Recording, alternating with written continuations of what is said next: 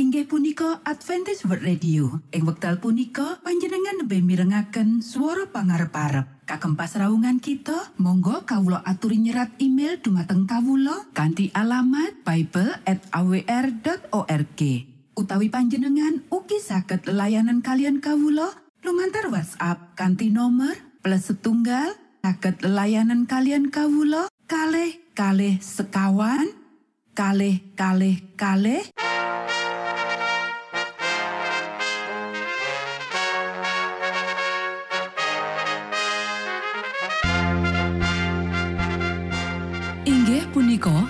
Adventist World Radio ingkang giaran kanti basa Jawi.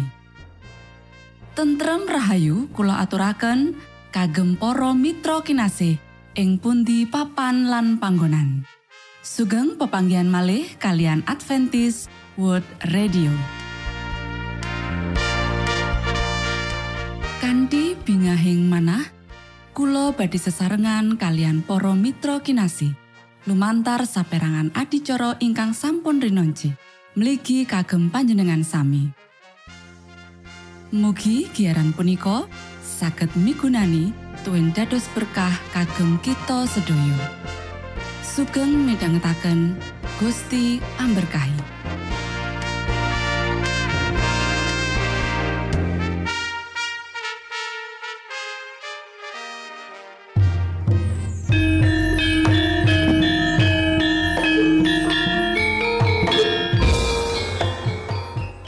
Para pamirsa kinasih ing Gusti Yesus Kristus.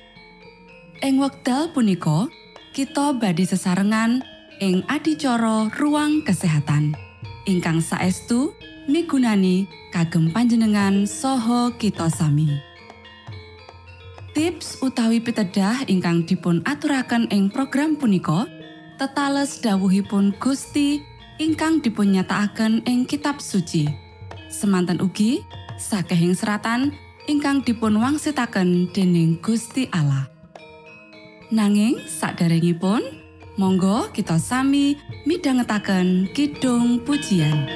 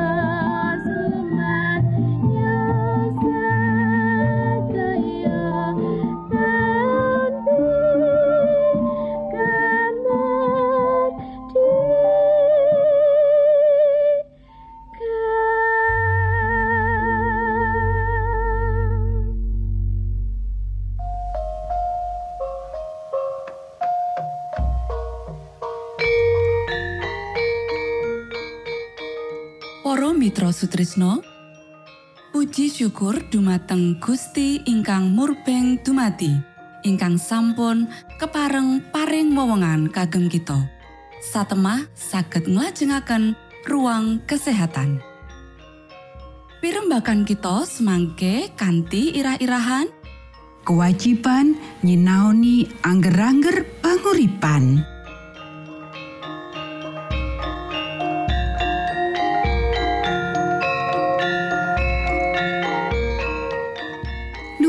Dumateng para pamiarsa ingkang dahat kinurmatan, sugeng pepanggihan malih kalian kula Isti Kurnaidi ing adicara ruang kesehatan. Ing dinten punika kanthi irah-irahan, kewajiban nyinaoni angger-angger panguripan.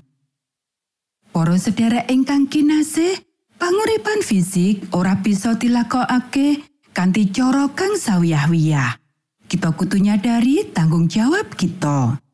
Orang gagas karo fisiologi lan laling rumat angger-angger kapakaswarasan wis nggawa wong akeh mlebu nyang kuburan kang kudune isih urip kanggo makarya lan sinau kanthi lantip. Kanggo kenal kanthi becik organisme manungsa kang ajaib, balung, otot, weteng, ati, usus, jantung, lan pori-pori kulit, lan kanggo mangerteni gumantungi sak organ marang organ liyane kanggo kerja kang nyehatake saka sakabehe. Mujudake sawenehing pasinaon, ing ngendi saperangan gedhe ibu-ibu ora duwe greget. Sinaono organisme kang migunakake iku sistem badan menungso lan angger-angger kang ngatur.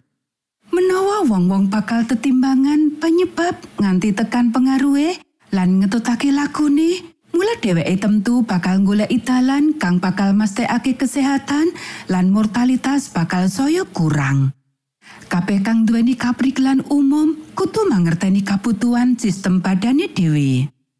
Para sedherek ingkang kinasih, bab kang paling wigati tumrap priya lan wanita ya iku kanggo diwenehi pangerten bab panguripan manungsa lan jroning cara-cara kang luwih becik jroning rumat lan oleh kapakaswarasan fisik.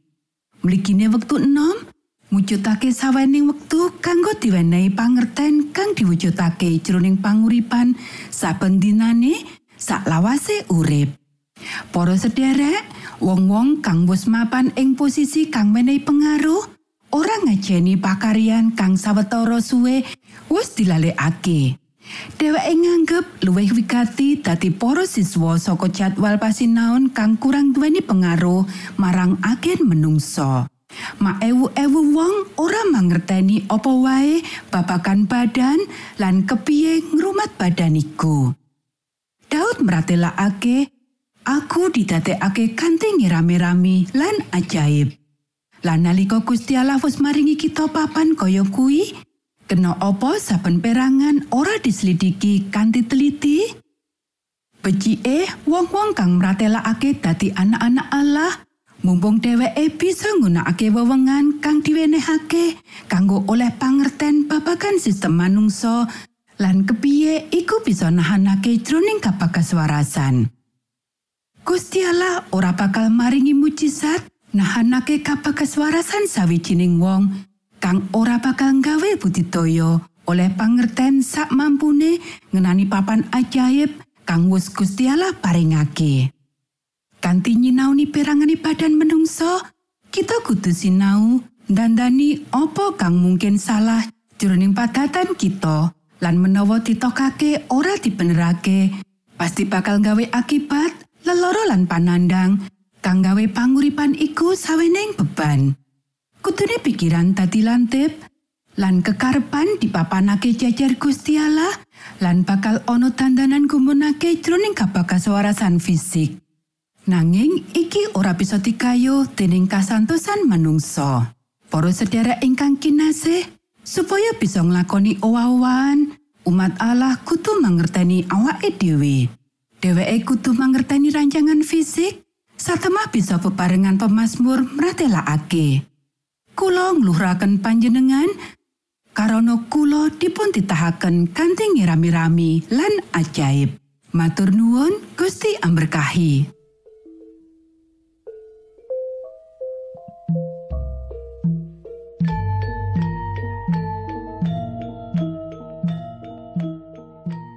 Cekap semanten pimbakan ruang kesehatan ing episode dinten punika. Ugi sampun kuatos jalaran kita badhe pinanggih malih ing episode sak lajengipun.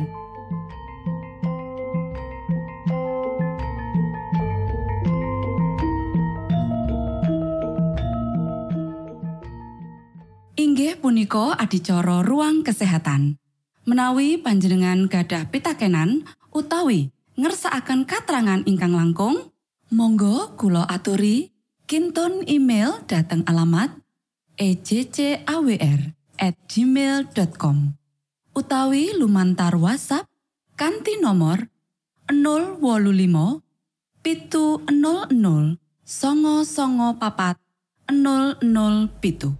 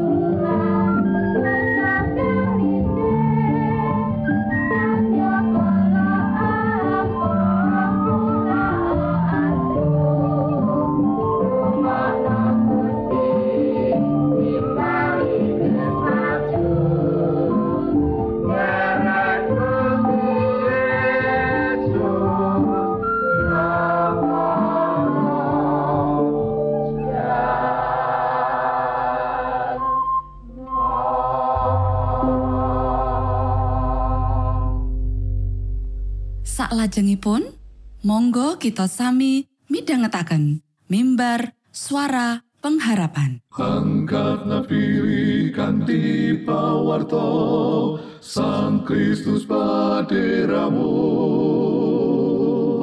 Pro umat samyo puji asmanyo Sang Kristus paderamu. Inggih punika mimbar suara pengharapan. Ing episode punika kanthi irah-irahan Katresnane Romo Abraham kanggo sakabeh wong. sugeng midhangetaken. Tondo Sang Kristus paderamu Ilmu kawero tambah tambah Sang Kristus paderamu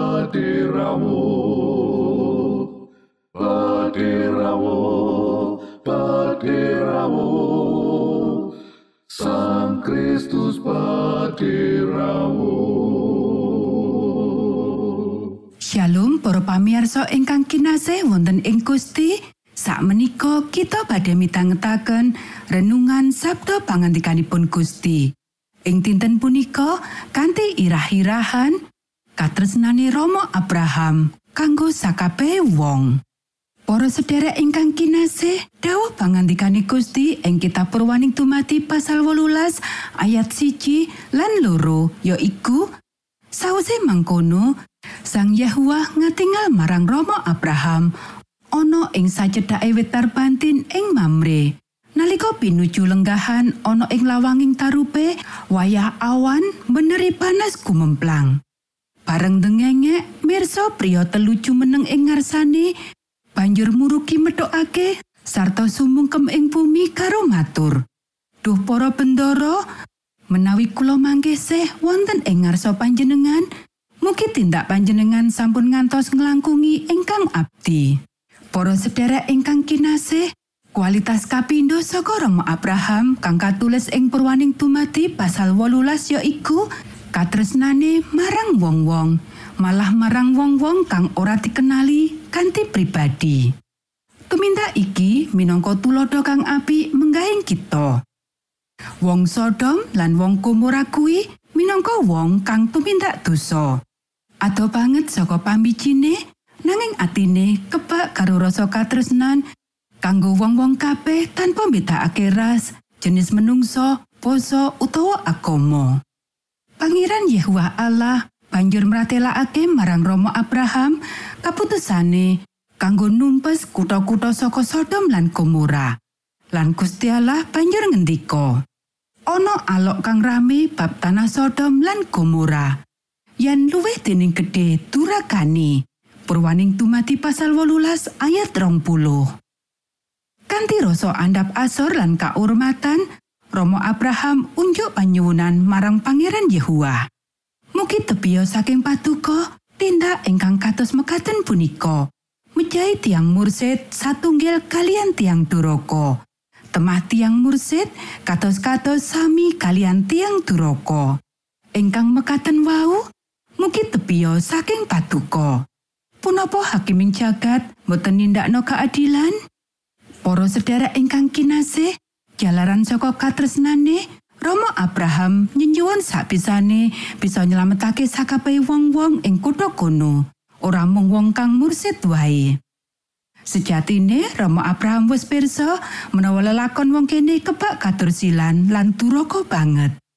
Sapa kang weruh crita apa wae babagan lelakone para wong-wong iku kang wis dirungokake kang kegayutan karo tingkah polahe wong-wong iki? Lan saka ngendi kita mangerteni babagan wong iku mau kaya dene katulis ing pasal sak candake kanthi cerita rusuh Lot lan kumpulan wong ing sanjaba omahe. Purwaning tumati pasal 19 ayat siji nganti 11. Nyoto menawa wong-wong iku lelakone jahat. Nanging Romo Abraham awet saka mangerteni bab katresnane Sang Yahuwah marang slirane nyenyuwun marang Gusti kanggo kepentingane wong-wong iki. Romo Abraham pirsa menawa manungsa kuwi tansah bisa kumpul bali marang ngarsane Gusti Allah srana mratobat. Rama Abraham uga nyelametake warga kutha ngure enggal meratobat. Pungkasane, Rama Abraham nglandhesi panyuwunane marang apa kang wis dimangerteni secara pribadi bab kaprasetyane Gusti Allah kanggo umat manungsa. Lan panjenengane piyambak kagungan sih rahmat kang gedhe tumrap wong-wong kang nandang dosa lan panjenengane pirsa menawa salawase se ana panguripan isih ana pangarep-arep kanggo keselamatan. Monggo kita sami ndedonga. Duh Rama kawula ingkang wonten ing swarga, asma patuko mugi kasucikaken. Kraton patuko mugi rawuh, karsa patuko mugi kalampahan wonten ing bumi kados dene wonten ing swarga. Kawula mugi kaparingan rejeki kawula sak cekapipun ing dinten punika. Saha patuko mugi ngapunten kalepatan kawula kados dene kawula inggih ngapunteni tetiang ingkang kalepatan dhateng kawula.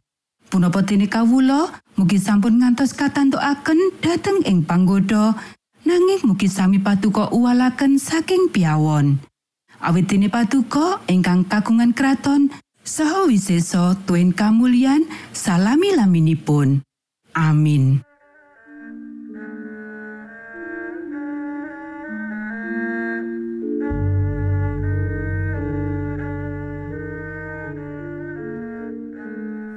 Mitra Sutrisno pamiarsa kinasih ing Gusti Yesus Kristus. Sampun paripurno pasamuan kita ing dinten punika. Menawi panjenengan gadah pitakenan utawi ngersakaken seri pelajaran Alkitab suara nubuatan Monggo Kulo aturi kintun email dateng alamat ejcawr gmail.com utawi lumantar WhatsApp kanti nomor 025 pitu 00 songo songo papat 00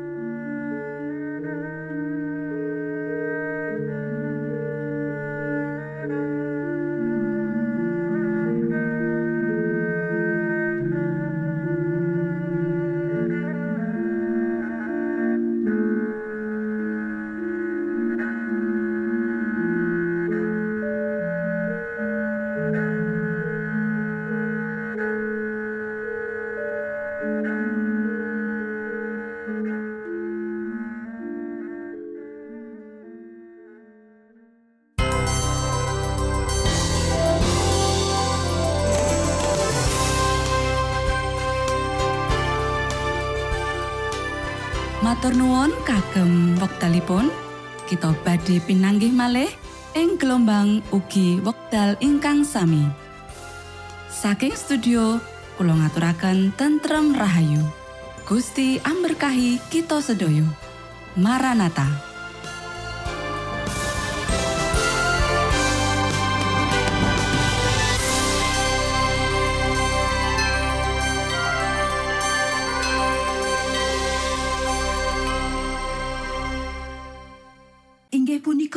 Adventist World Radio. Ing wekdal punika panjenengan lebih mirengaken swara pangarep-arep. Kagem pasraungan kita, monggo kawula aturi nyerat email dumateng kawula kanthi alamat bible@awr.org. Utawi panjenengan ugi saged layanan kalian kawula lumantar WhatsApp kanthi nomor plus setunggal saged layanan kalian kawula kalih kalih sekawan kalih kalih kalih